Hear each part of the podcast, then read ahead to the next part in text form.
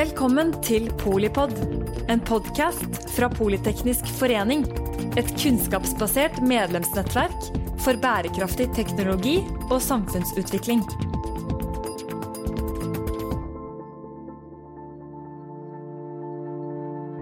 Velkommen til denne Polipod-episoden om eh, den grønne reisen selskapet er på, med eksempel fra Yaras konkrete og gode eh, tiltak. Mange selskaper er på en grønn reise, enten det gjelder vår egen måte å jobbe på, eller det gjelder tjenestene og produktene vi leverer. Men det er lett å være enige om de overordnede målene, om klima og miljø. Og så er det ikke like lett å lykkes med å bygge nye grønne tjenester og forretningsmodeller basert på eh, eksisterende drift og posisjoner. I dag så får vi et dypdykk inn i Yaras grønne reise. Vi ønsker å få høre hva de beste gjør, og da snakker vi selvfølgelig med Terje Knutsen, som er eh, konserndirektør for eh, Farming Solutions i Yara, som også er medlem av Politeknisk forening. Og mitt navn er Mette Vågnes Eriksen, jeg er generalsekretær her. Terje, litt sånn grunnleggende i folkeopplysningens uh, ånd. Um, hva gjør dere, og hvorfor gjør dere måte denne grønne reisen? Og, og har dere ikke alltid drevet med, med det grønne? Hva er nytt? Ja, det er jo et uh, veldig spennende område. Det skjer mye. Men for å sette det kanskje litt sånn i sånn strategisk perspektiv først, da. Så vår misjon den er å brødfø verden på en ansvarlig måte. Uh, og det har vi jobbet med lenge. Eh, men vi ser jo nå at på en måte alle elementene rundt bærekraft kommer mye sterkere og gir eh, store muligheter for oss eh, som selskap. Og det er selvfølgelig har sammenheng med at landbrukssektoren er en veldig viktig sektor når det gjelder klimagassutslipp. Landbruket på helt global basis står for ca. 25% av eh, klimagassutslippene. Eh, da tar vi med ca. halvparten av det eh, er til avskoging, noe selvfølgelig vi ikke ønsker skal skje. og Det betyr at man må på en måte intensifisere landbruket uten at det har klimamessig skadelige sider ved seg. Så da jobber vi eh, som selskap kan du si, på, på to områder. Eh, hvis du tar eh, mais som et eksempel, og du tar dyrking av mais, så kan vi egentlig påvirke ca. 70% av det klimaavtrykket som, som vil være på, en, på et maisjorde. Cirka, ja, det, det er betydelig. Eh, cirka, halv, eh, nei, sorry, ca. 30% det går på selve innsatsfaktoren. Altså gjødsel eh, eksempelvis, eh, som skal tilføres den eh, eh på det maisjordet. og ca. 40% dreier seg om å ha gode løsninger, smarte løsninger på hvordan man dyrker mais. Det har både med praksisen, det har med også hvordan man bruker presisjonslandbruk og verktøy inn mot hvordan man dyrker.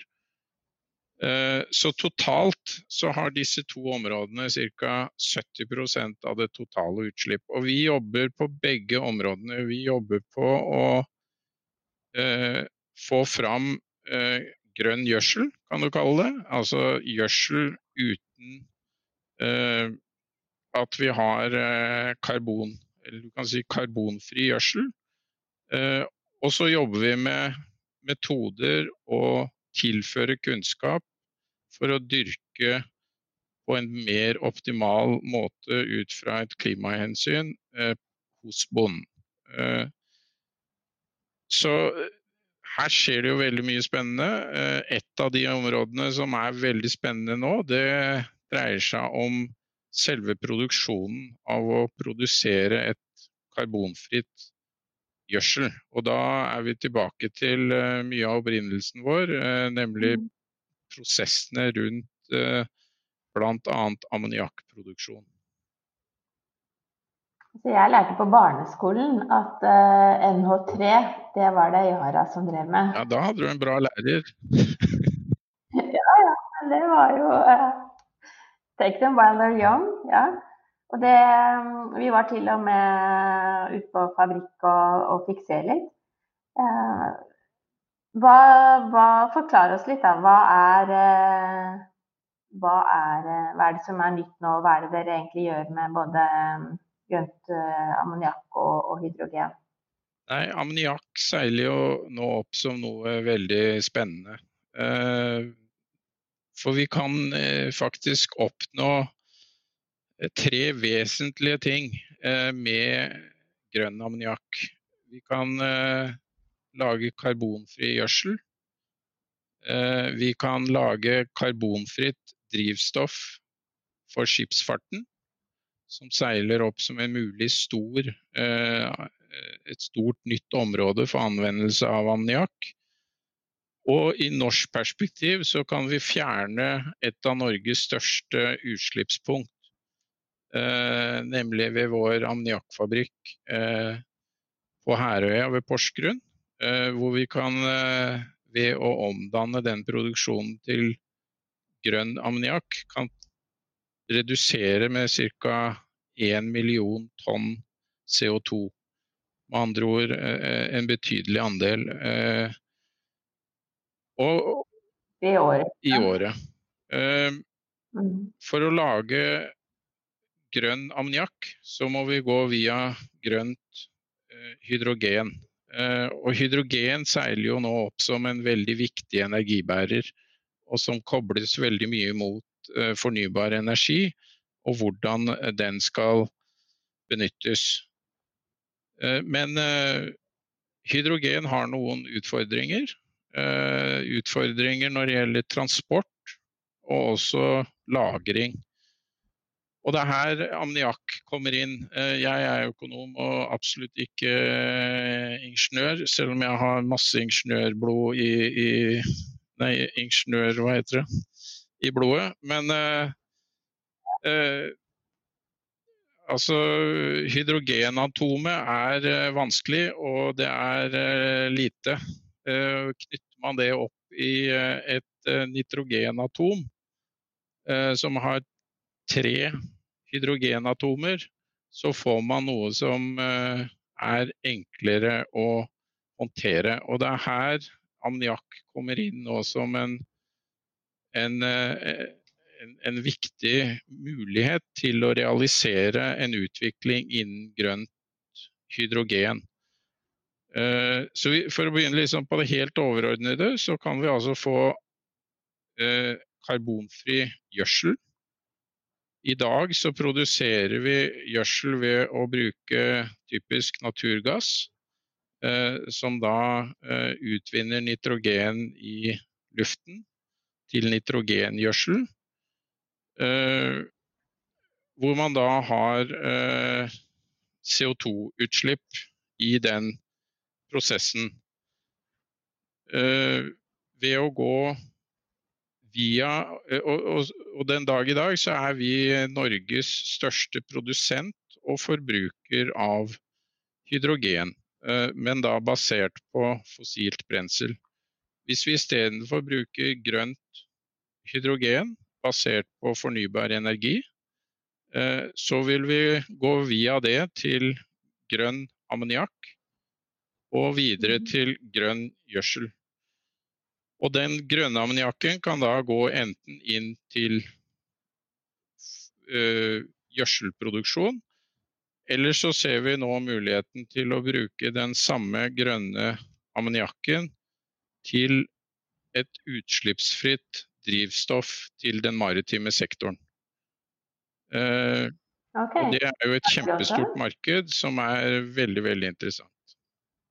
Ja, det, det er det Altså eh, både hvor og når og, og, hvor mye. Og jeg har fått spørsmål fra fra våre sosiale medier da, rundt energieffektiviteten si, i prosessen. Det er litt forskjellige tilnærminger, men, uh, men få høre litt om, om anvendelsen i, i, shipping. Ja, altså Utfordringen i shipping er jo da å, å ha et produkt som, som sagt som kan transporteres og lagres. Og hvis vi ser på noe av eh, fordelen med ammoniakk i forhold til hydrogen, så, så har eh, eh, ammoniakk en langt høyere eh, tetthet. Eh, som gjør at eh, ca. 50 eh, høyere enn en flytende hydrogen. Og det gjør at eh, ammoniakk kan lettere transporteres og lagres. Altså helt konkret, da. Så hvis du bruker det på en, uh, en båt, så vil du kunne ha den samme energien på ca. halve plassen. Uh, og det, vi tror jo at her vil man i framtiden ha ulike anvendelser av både grønt hydrogen og grønn ammoniakk. Men særlig i, i tilfeller hvor du trenger mye energi eh, over lange avstander, altså eksempelvis langtransport til, til havs, eh, så tror vi at eh, ammoniakk eh, vil være en eh, den løsningen som eh, med stor sannsynlighet blir valgt. Og Det er ikke noe bare Yara sier og tror på, det er noe som nå etter hvert eh, tror jeg både industrien og vitenskapen ser på som en stor mulighet til å skaffe eller lede til en skipsfart som da blir eh, utslippsfri. Det er jo at uh, Shipping er jo kanskje det mest internasjonale markedet Eh, men Norge har en ledende posisjon. Så eh, hva gjør dere? Hvem eh, samarbeider dere med? Og, og hvordan Hvor i verden ser dere for dere at dette høres jo egentlig ut som et norsk eksporteventyr in, in, the making? Ja, og dette er jo noe av det som gjør det veldig spennende for Yara. Fordi vi er jo verdensledende på ammoniakk.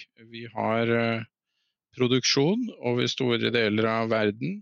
Eh, vi transporterer ammoniakk i dag. Eh, og vi har eh, infrastruktur i form av terminaler osv. rundt omkring i verden. Mm. Vi er også verdens største trader av ammoniakk. Så du kan si at ammoniakk er en del av den kjernekompetansen vi har. Og hvor vi ser selvfølgelig store muligheter til å kunne bygge på den kompetansen og den eh, posisjonen vi allerede har, til å ta del i eh, nye markeder. Og igjen både inn mot det som kanskje er kjerneområdet vårt, eh, landbruk og gjødsel, hvor vi kan avkarbonisere den verdikjeden, men også da inn mot nye områder som, som skipsfarten. Så vi er allerede i gang. Eh, vi har eh, pilotprosjekter eh, ved vårt ammoniakkanlegg på vestkysten av Australia. Der jobber vi sammen med franske Engie. og Det er da basert på solenergi. Og så har vi i begynnelsen av oktober så annonserte vi et nytt, noe større pilotanlegg i Holland, eh, ved vår store gjødselfabrikk eh, i Holland. Der har vi gått sammen med danske Ørsted, som jo er ledende innen havvind. Eh, og der er det veldig spennende, for der har vi da en stor havvindpark rett utenfor vårt anlegg. Mye av infrastrukturen er tilgjengelig, og hvor vi da mm. sammen med Ørsted lager grønn hydrogen som da går inn og vil eh, etablere grønn ammoniakk. Eh, og så kan vi jo da flytte oss eh, nærmere til, til Norge, hvor vi også har pilot. Konkret på Herøya i Porsgrunn så jobber vi sammen med Vi har et pilotprosjekt sammen med Nell for å utvikle en ny elektrosør du kan kalle det neste generasjon, i ammoniakkfabrikken vår der, som skal være klar i 2023. Og der ser vi klare muligheter til oppskalering. Vi har, vi har allerede nå på gang en oppskalering til med ytterligere 20-40 megawatt. Det betyr selvfølgelig at vi får et større anlegg. Der er også flere andre elektrolysørleverandører inne i bildet. Men hvis vi skulle gå til en fullskala konvertering av ammoniakkfabrikken i Porsgrunn, altså at vi elektrifiserer ammoniakkfabrikken fullt ut, så snakker vi stor skala. Og da snakker vi om en mulig reduksjon av CO2 på nærmere 1 million tonn i året. Som da er det største punktutslippet, eller er det de andre ligger på 800 000? Jeg tror det er det nest største punktutslippet i Norge, for å på en måte være presis på det. Så dette er selvfølgelig et attraktivt mulighet til å også bidra til å nå utslippsmålene for Norge som nasjon. Altså Herøya er jo på mange måter industriens vugge. Og, og jeg har lyst til å høre litt hva mer altså, enn deres egen produksjon. Hvordan, hvordan er resten av industriparken involvert? Og, og vil de Altså hvordan bygger dere si, industri i, i utover egen produksjon der? Ja, altså dette er jo interessant for Yara, men det er jo noe som kan ha stor betydning for Norge som nasjon. Uh, Norge har jo helt klare konkurransefortrinn og er ledende innen fornybar energi. Vi har en, uh, en ledende posisjon verdensbasis i, i shipping.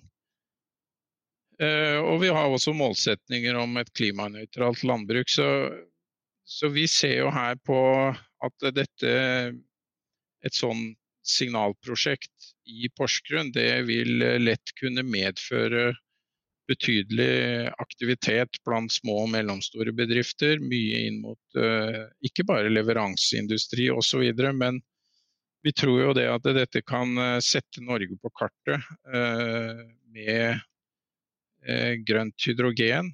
og også da grønn ammoniakk og det er mange anvendelsesområder både for grønt hydrogen og grønn ammoniakk som kan få ringvirkninger rundt omkring. Eh, alt fra regional eh, ferjetransport til andre anvendelsesområder. Så vi tror jo at, eh, at dette er områder som eh, Norge har mulighet til å ta en ledende posisjon, som kobler seg veldig godt mot det vi allerede er gode på ikke minst eh, det vi har eh, innen fornybar energi. Er vi gode nok til å si, vinne dette race to zero? Det er jo teknologien og, og liksom infrastrukturen er én ting, og så er det dette med å, å vinne konkurransen. Da. Vi er vel ikke eneste verken nasjon eller, eh, eller industrimiljø som, som eh, skal eh, gå denne veien? Nei, altså Her skjer det jo veldig mye. Ikke minst uh, i Europa, innenfor EU, så skjer det nå veldig mye. Uh, og vi, vi, tror jo at dette er et område hvor partnerskap er helt essensielt. Ikke bare partnerskap mellom ulike aktører i privat sektor, men også å få til rammevilkår fra det offentlige. Eh, det er helt avgjørende om man skal bygge nye og mer miljøvennlige markeder. Eh, så her tror jeg det er viktig at vi får på plass eh, et veldig godt samarbeid mellom det offentlige og det private.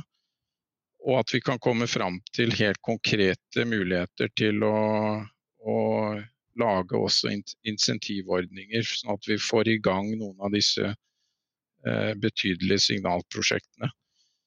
det skjer veldig mye innen EU, som sagt. Mange av landene de jobber nå aktivt med å vri insentivordninger i retning av grønt hydrogen og grønn ammoniakk. Og flere av de landene vi sammenligner oss med, de innfører også nye virkemidler tilpasset de utfordringene vi har. Så her er det veldig viktig at Norge ikke blir hengende etter. Jeg tror eh, helt sånn eh, realistisk så vil ikke vi kunne klare eh, å eh, vri over fra eh, konvensjonell ammoniakk til grønn ammoniakk uten at vi også får hjelp av eh, offentlige eh, offentlig støtte. Dette er jo noe vi ser veldig parallelt med det som har skjedd innenfor solenergi og, og vind. Eh, I mm. de første årene så var det nødvendig å ha en nokså betydelig på en måte offentlig støtte, og så har den støtteordningene blitt laget på en sånn måte at man har et incitament også fra industrien å dra ned kostnadene og komme ned på et nivå som gjør at uh, uh, om det er sol eller om det er vind, at det da kan konkurrere med konvensjonell, tradisjonell uh, energi. Og det, det, har vi jo sett hvordan det har gått. Det har gått veldig bra. Både sol og vind er nå i en posisjon hvor man kan konkurrere med, med det meste. Og vi tror at dette er også en, en mulighet innen grønt hydrogen og grønn ammoniakk. At vi må jobbe sammen, eh, dra ned kostnadene over tid, og etter hvert eh, da finne muligheter sånn at eh, ja, om det er utslippsfri drivstoff eller karbonfri gjødsel, at det kan konkurrere inn mot nye markeder og, og få en langsiktighet inn i det. Da. Det høres jo ut som uh, vi har noen konkurransefortrinn som, um, som, vi kanskje ikke nødvendigvis hadde med sol og vind. Uh, kanskje unntak offshore vind og, og, og oppstrøms sol. Men du, um, dette er jo um, Vi har jo snakket sammen før og, og uh, har jo en felles 115 års historie. Eh, om ikke du og jeg personlig, så gjennom eh, Sam Eide og Christian Birkeland, som eh, etablerte Norsk Hydroelektrisk Kveldstoffaksjeselskap i Politeknisk forening i 1905. De fikk den gangen et helt statsbudsjett. Nå skal ikke jeg legge på en måte noe politisk press på, på si, nivået på, på incitament og innfasing av ny teknologi. Men, ehm, men, hvis de var med oss, da eh, Hvis de fikk ordet nå i denne episoden, hva tror du de ville sagt til planene om Yaras skal du si, globale grønne vekst? Det, det, det paradoksale med hele dette er jo at vi begynte med helt grønn gjødsel. Eh, så faktisk eh, opphavet med vannkraft, eh, hydrogen og da Det første produktet vårt var kalksaltpeter. Og faktisk helt opp til begynnelsen av 90-tallet så produserte vi ammoniakk ved hjelp av elektrolyse i eh, Glomfjord i relativt stor skala. Jeg nevnte 5 megawatt uh, som vår pilot for uh, ny teknologi i Porsgrunn. Helt opp til 90-tallet så produserte vi 150 megawatt i Glomfjord og produserte grønn ammoniakk. Men det ble jo da ikke konkurransedyktig etter hvert. Nå får vi håpe at vi kan klare å skape et rammeverk som gjør at vi kan komme tilbake til en grønn virkelighet. Jeg tror jo at uh, Birkeland og Eide vil være utrolig stolte over det de i sin tid satte i gang. Eh, ser vi det i et stort perspektiv, så, så brødfør eh, gjødsel i dag 50 av verdens befolkning. Med andre ord, uten gjødsel så ville vi strevd med å brødfø 50% Det tror jeg jo setter litt den oppfinnelsen Christian Birkeland da sto for i perspektiv. Det er, det er den oppfinnelsen som har reddet flest menneskeliv. Det er kanskje ikke så mange nordmenn engang som vet, men, men det er nå engang sånn det er. Viktigere enn medisiner og mye annet. Så jeg tror de ville vært veldig stolte av det de satte i gang for 115 år siden. Og så tror jeg de ville sett at nyvinning og innovasjon det er helt essensielt i dette. Hele vår arv er jo tuftet på det og en, en veldig betydningsfull innovasjon. Og ja, jeg tror, jeg tror, det at de ser at nå tenkes det nytt. Nå tenkes det i baner som kanskje også tar uh, vare på det samfunnet vi skal leve i på en bedre måte. Det, det tror jeg ville vært i deres ånd. Ja, Nå ser jo ikke lytterne det, men nå fikk jeg faktisk gåsehud av uh, omfanget på betydningen da, av, av gjødsel og da som ikke i seg selv er spesielt sexy, men som da eh, kan brøpe 50% bidra til at 50 av, eh, av verdens befolkning får mat på bordet. Og hvis det da kan bli eh, mer eller mindre utslippsfritt, så, så, tenker jeg de hadde vært litt mer enn stolte. De hadde nok sagt 'hva var det vi sa', for det har jeg hørt at de pleier å si når noen andre kommer opp med noe smart. men, men her, eh, her, må jeg rett og slett bare takke for uh, inspirasjonen, Terje. Litt innsikt i, i, hva som faktisk foregår på, på, deres grønne reise, men med et kjempestort potensial for, for å faktisk forandre klimakonsekvensene globalt. Tusen takk til deg, konserndirektør i eh, Farming Solutions i Yara. Og tusen takk til deg som eh, lytter. Da vet du litt mer kanskje hva du skal se etter når du skal kjøpe deg mat selv. Kanskje, det, kanskje du kan eh, rett og slett få karbonfri mat på bordet. Karbodietten er én ting. Karbondietten er kanskje det vi skal begynne å se etter heretter. Tusen takk. Takk for at du lyttet til Polipod fra Politeknisk forening. Få med deg flere episoder, eller bli med på nettverksmøtene som du finner på at polyteknisk.